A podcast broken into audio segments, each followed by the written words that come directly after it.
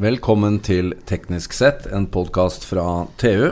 Jeg sitter her med Odd-Rikard Valmot. Hei, Jan. Hei, Odd-Rikard. Og mitt navn er Jan Moberg, og jeg er sjef her i TU.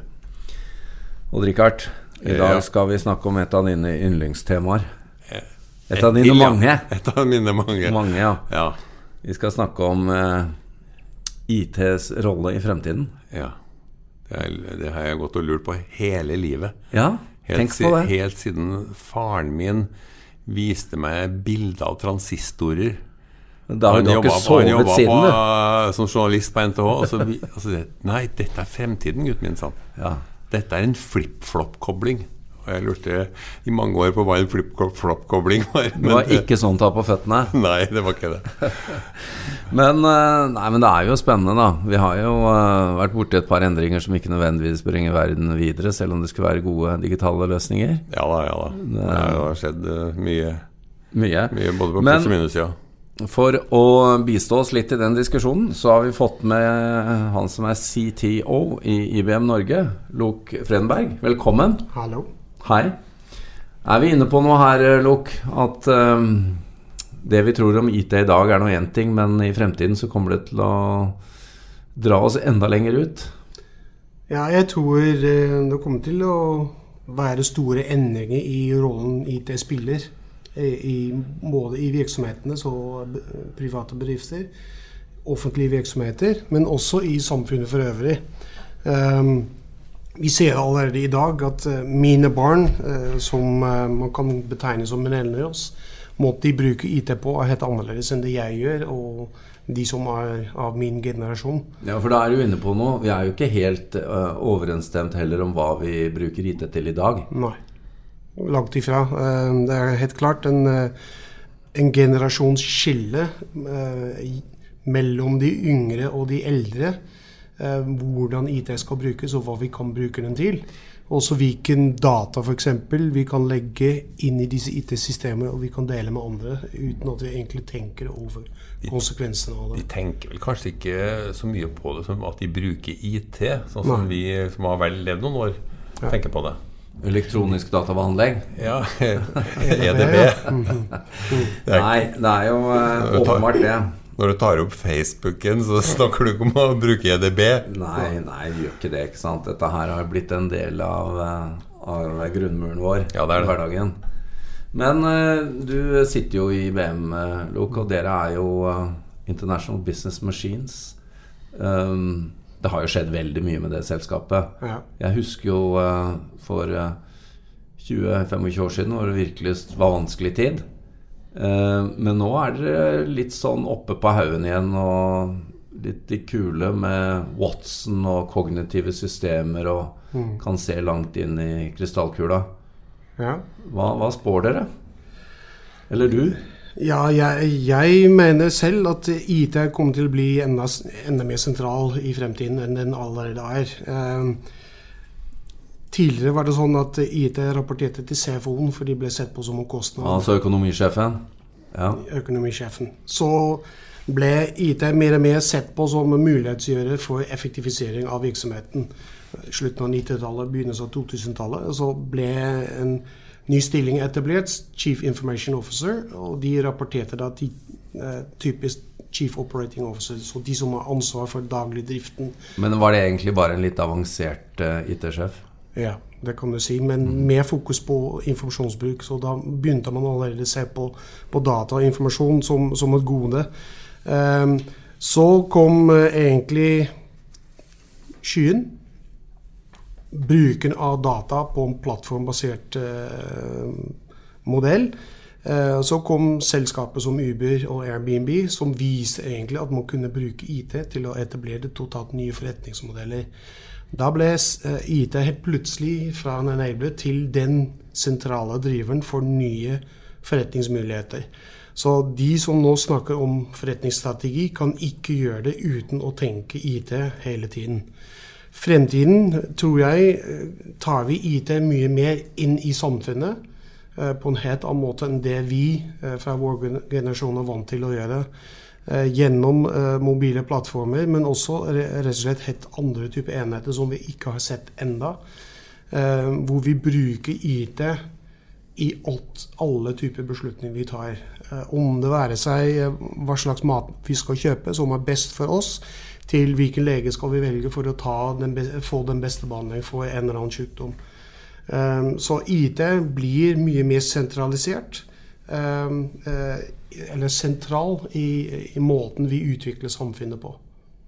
Ja, det er jo lenge siden man bare kunne bruke det til kostnadseffektivisering. Mm. Men det er vel fortsatt mange i både offentlig og privat sektor i Norge i dag som har hovedfokus på det. Ja. Uh, og da taper du litt. For det er som du sier, de nye modellene, eller forretningsmodellene, uh, uh, som Amazon jo er et slående eksempel på. De har jo virkelig satt kundene i fokus mm. og bygd store anbefalingsalgoritmer, som jo var det første som traff deg. At Les denne boka også. Ja, ikke sant? Det var så direkte. Det er mange år siden. Altså. Det er mange år siden. Ja.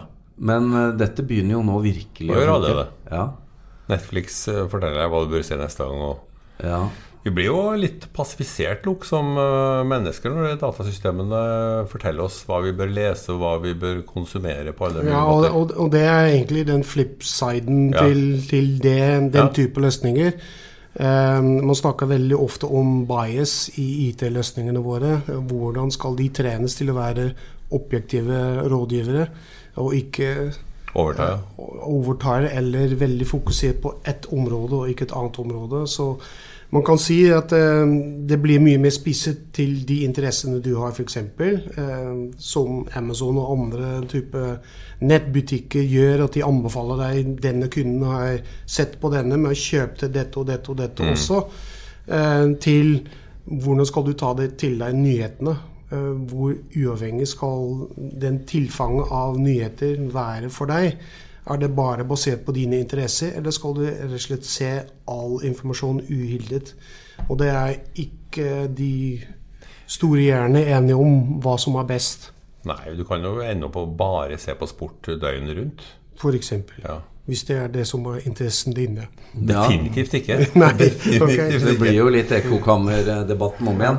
Men uh, Luke, det er veldig interessant. Du er også en sånn science fiction uh, mann mann som liker mm. å lese. Mm.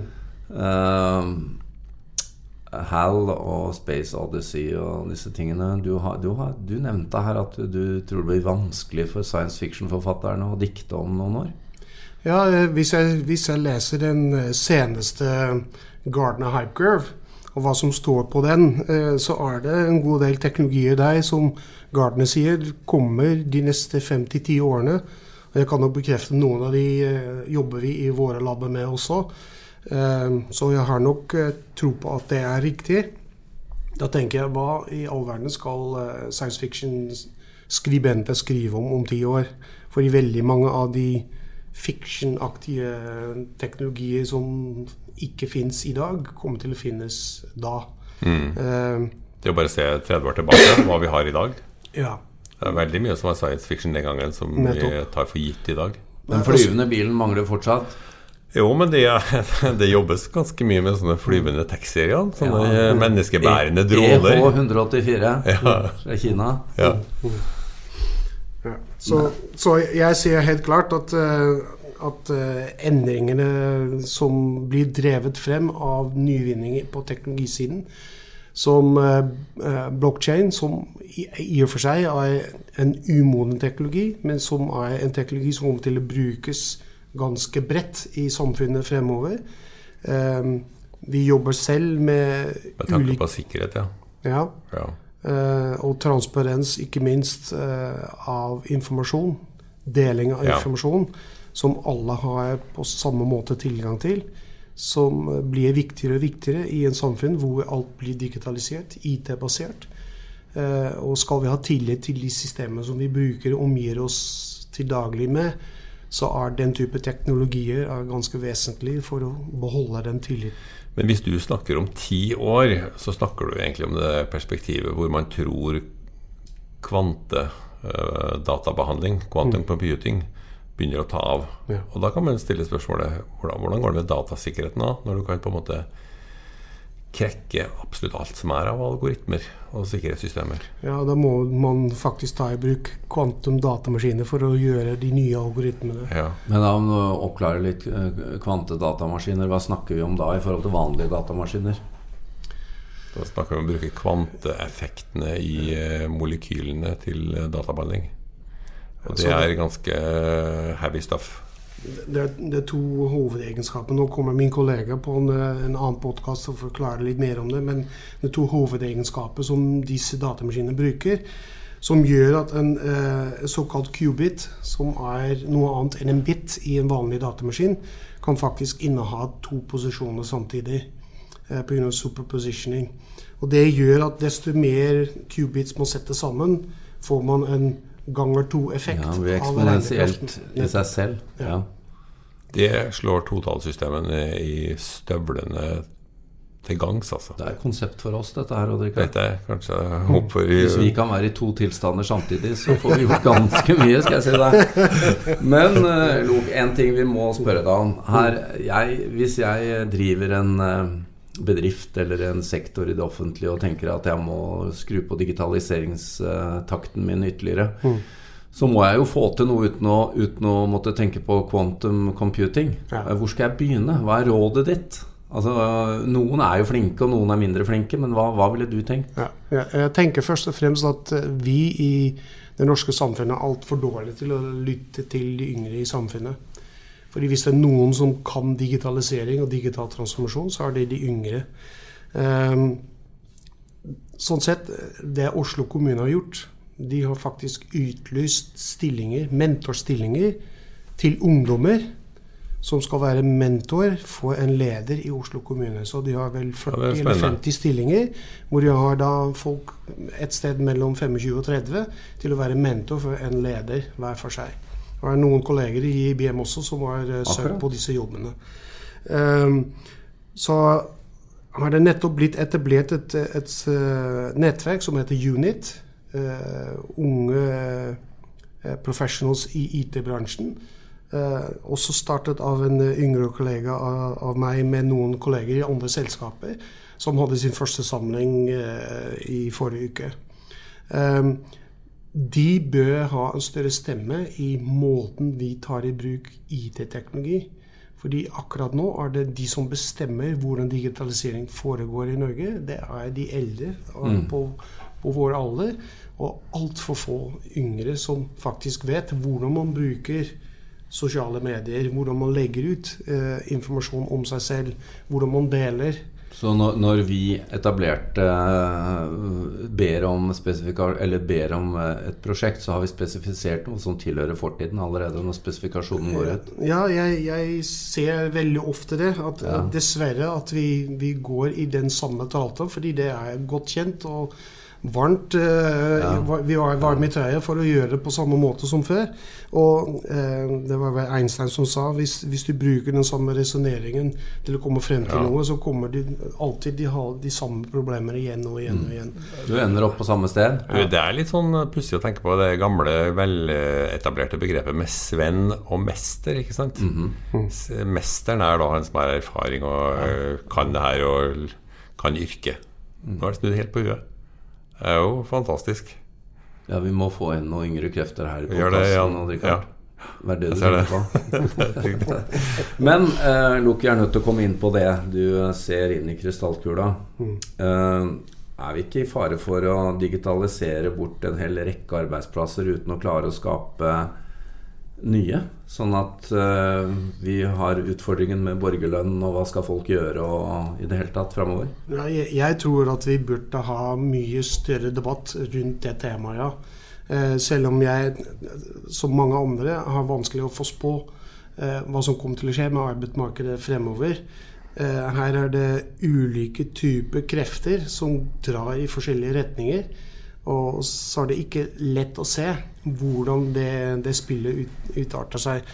Eh, Produktivitetskommisjonen sier at skal vi opprettholde velferdsstaten, så må alle finne seg en jobb og jobbe lengre. Samtidig vet vi at eh, ny teknologi effektiviserer, automatiserer. Eh, AI tar bort en god del eh, white collar jobs, eh, kunnskapsjobber. Eh, hvor mange, om det er 10% 30% 50% 70% det er egentlig ingen som vet. Eh, her også er det litt avhengig av hvor raskt og hvor omfattende vi er villige til å ta i bruk den type løsninger. Mm. Eh, som, som, bestemmer hvor mange jobber kommer til å forsvinne. Eh, noen jobber er enkle å, å, å, skjønne, f.eks. sjåfører. Eh, når vi tak, snakker om autonome kjøretøy, ja. så er det ingen grunn til at vi skal ha taxisjåfører eller bussjåfører i fremtiden. Eh, Jeg lurer på hvor lenge skal vi ha legene? Uh, Ganske du, lenge til, tror ja, jeg. Kanskje når du går til legen, for du får jo aldri en sånn 'Dette er den lidelsen'. Mm. Det er alltid mange iterasjoner før du på en måte får en diagnose. Hvis du kan ha sensorer kobla på kroppen over hele veien, og en uh, verdens største AI i bakgrunnen, da tenker jeg at mye av jobben er gjort. det jeg... Men det er det fysiske, det var ikke det her psyko psykiske. Mm. Det er ikke sikkert det Richard, at selv Watson ville funnet ut av oss. Det tror jeg ikke. Noen må Hva lider disse folka av? Men men det er spennende da, eh, tross alt å tenke på at det vi snakker om med digitalisering nå, så skal det ikke gå utover nok en gang industriarbeidere. Nå går det faktisk også utover uh, the white collar workers og kunnskapsmedarbeidere innenfor mm. juss og regnskap og mm. økonomi og mye annet som tidligere har tenkt at de var, var litt beskytta. Vi er nødt til å nevne på avslutningen her uh, og Richard, vi har jo snakket en del om Watson og IBM og ja. disse kognitive systemene, og du var inne på legene det er jo ekstreme muligheter som ligger her nå. Dette, dette, slippes løs. Ja, Det har jo bare så vidt begynt, og det er utrolig fascinerende. Og når vi snakker om ti år her, så er det lang tid, altså. Mm. Jeg tror det skjer mer på de neste ti årene enn jeg gjorde på de forrige 30. Ja, og det er jo, jeg skal arrestere meg selv litt. Jeg sa 'slippes løs'. Det er jo ikke sånn det foregår. Det er allerede, det siver jo inn eh, ja, ja, fra alle kanter. Og du nevnte her, Lok, at eh, at Watson kommer til å berøre 1 milliard mennesker i løpet av 2018. Ja. Altså Som er berørt av Watsons teknologi. Ja, Uten at de egentlig er klar over det. Fordi ja. de teknologiene, de algoritmene og API-ene eh, som ligger på IBM Sky, de blir innarbeidet i løsninger som tredjepart, våre partnere, ja. selger eh, og, og, tilbyr til, til markedet.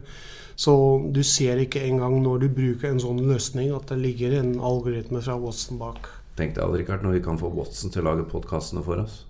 Det, de kommer til å bli mye bedre, ja. Kan vi ligge med de drinkene litt med sånn, paraplyen sånn, nede på stranda? Litt sånn Stephen Hawking-stemme, men, men eh, Dere, vi må avslutte for, eh, for denne gang. Luke, takk for at du tok turen innom. Og vi må bare konkludere med at IBM er ikke bare International Business Machines. Nå er det også ikke bare maskiner. Det har skjedd mye, Odd Rikard. Du ja, har fulgt IBM i mange år. Jeg har gjort det. Og det er, eh, jeg vet ikke om jeg får reservere til kulehodemaskina mi, men, men, eh, det er vel kanskje mer interessant det som ligger i, i skyen nå, tror jeg. Ja. Da kommer vi tilbake med mer. Og du har allerede invitert en kollega fra IBM til å komme her og snakke om Om uh, quantum, quantum computing. Vi gleder oss. Takk for nå. Hei.